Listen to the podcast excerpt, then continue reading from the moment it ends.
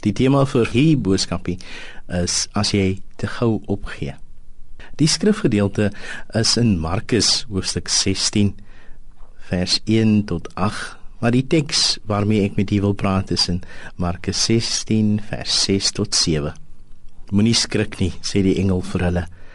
Julle soek Jesus van Nasaret wat gekruisig is. Hy is uit die dood opgewek. Hy is nie hier nie.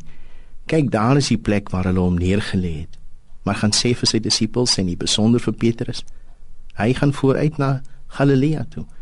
Daar sal hulle hom sien soos hy vir hulle gesê het. Ek het eendag gelees van 'n pastoor wat in die staat Texas in die dorp Austin 'n gemeente gelei het.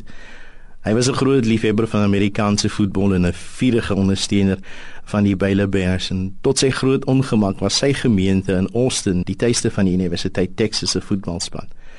Die beroemde Texas Longhorns op die 9de November 1974 het die Baylors teen die Texas Longhorns in die eindstryd van die Suidwestelike Konferensie gespeel. Teen halftyd was die Longhorns met 24 punte teenoor 7 agter. Met die aanvang van die tweede helfte egter gebeur daar iets wonderliks.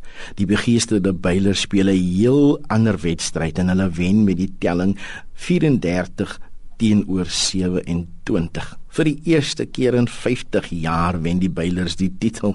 Die volgende Sondagoggend vertel die pastoor toe aan die gemeente dat hy vir 18 jaar gewag het om sy droom verwesenlik te sien.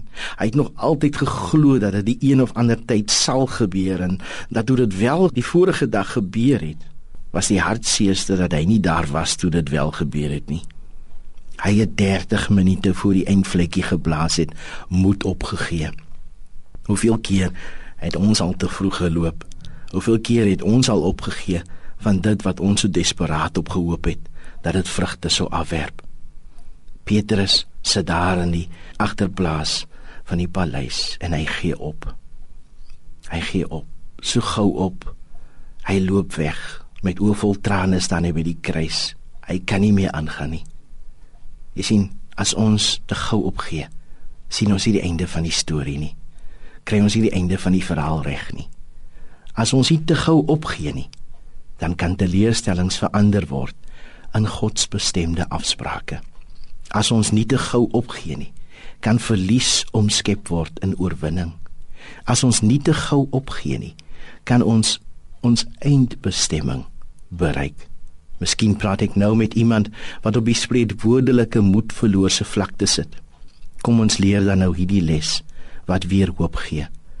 God wat jou naam ken, wat jou inniger ken as enige mens, die God wat weet watter mooi planne daar met jou toekoms is, wil jou nou ontmoet om jou teleurstellings die hoof te bied. Jou verlies te omskep in oorwinning sodat jy eendag kan terugkyk en getuig hoe dat die Here jou end uitgedraai het. Amen.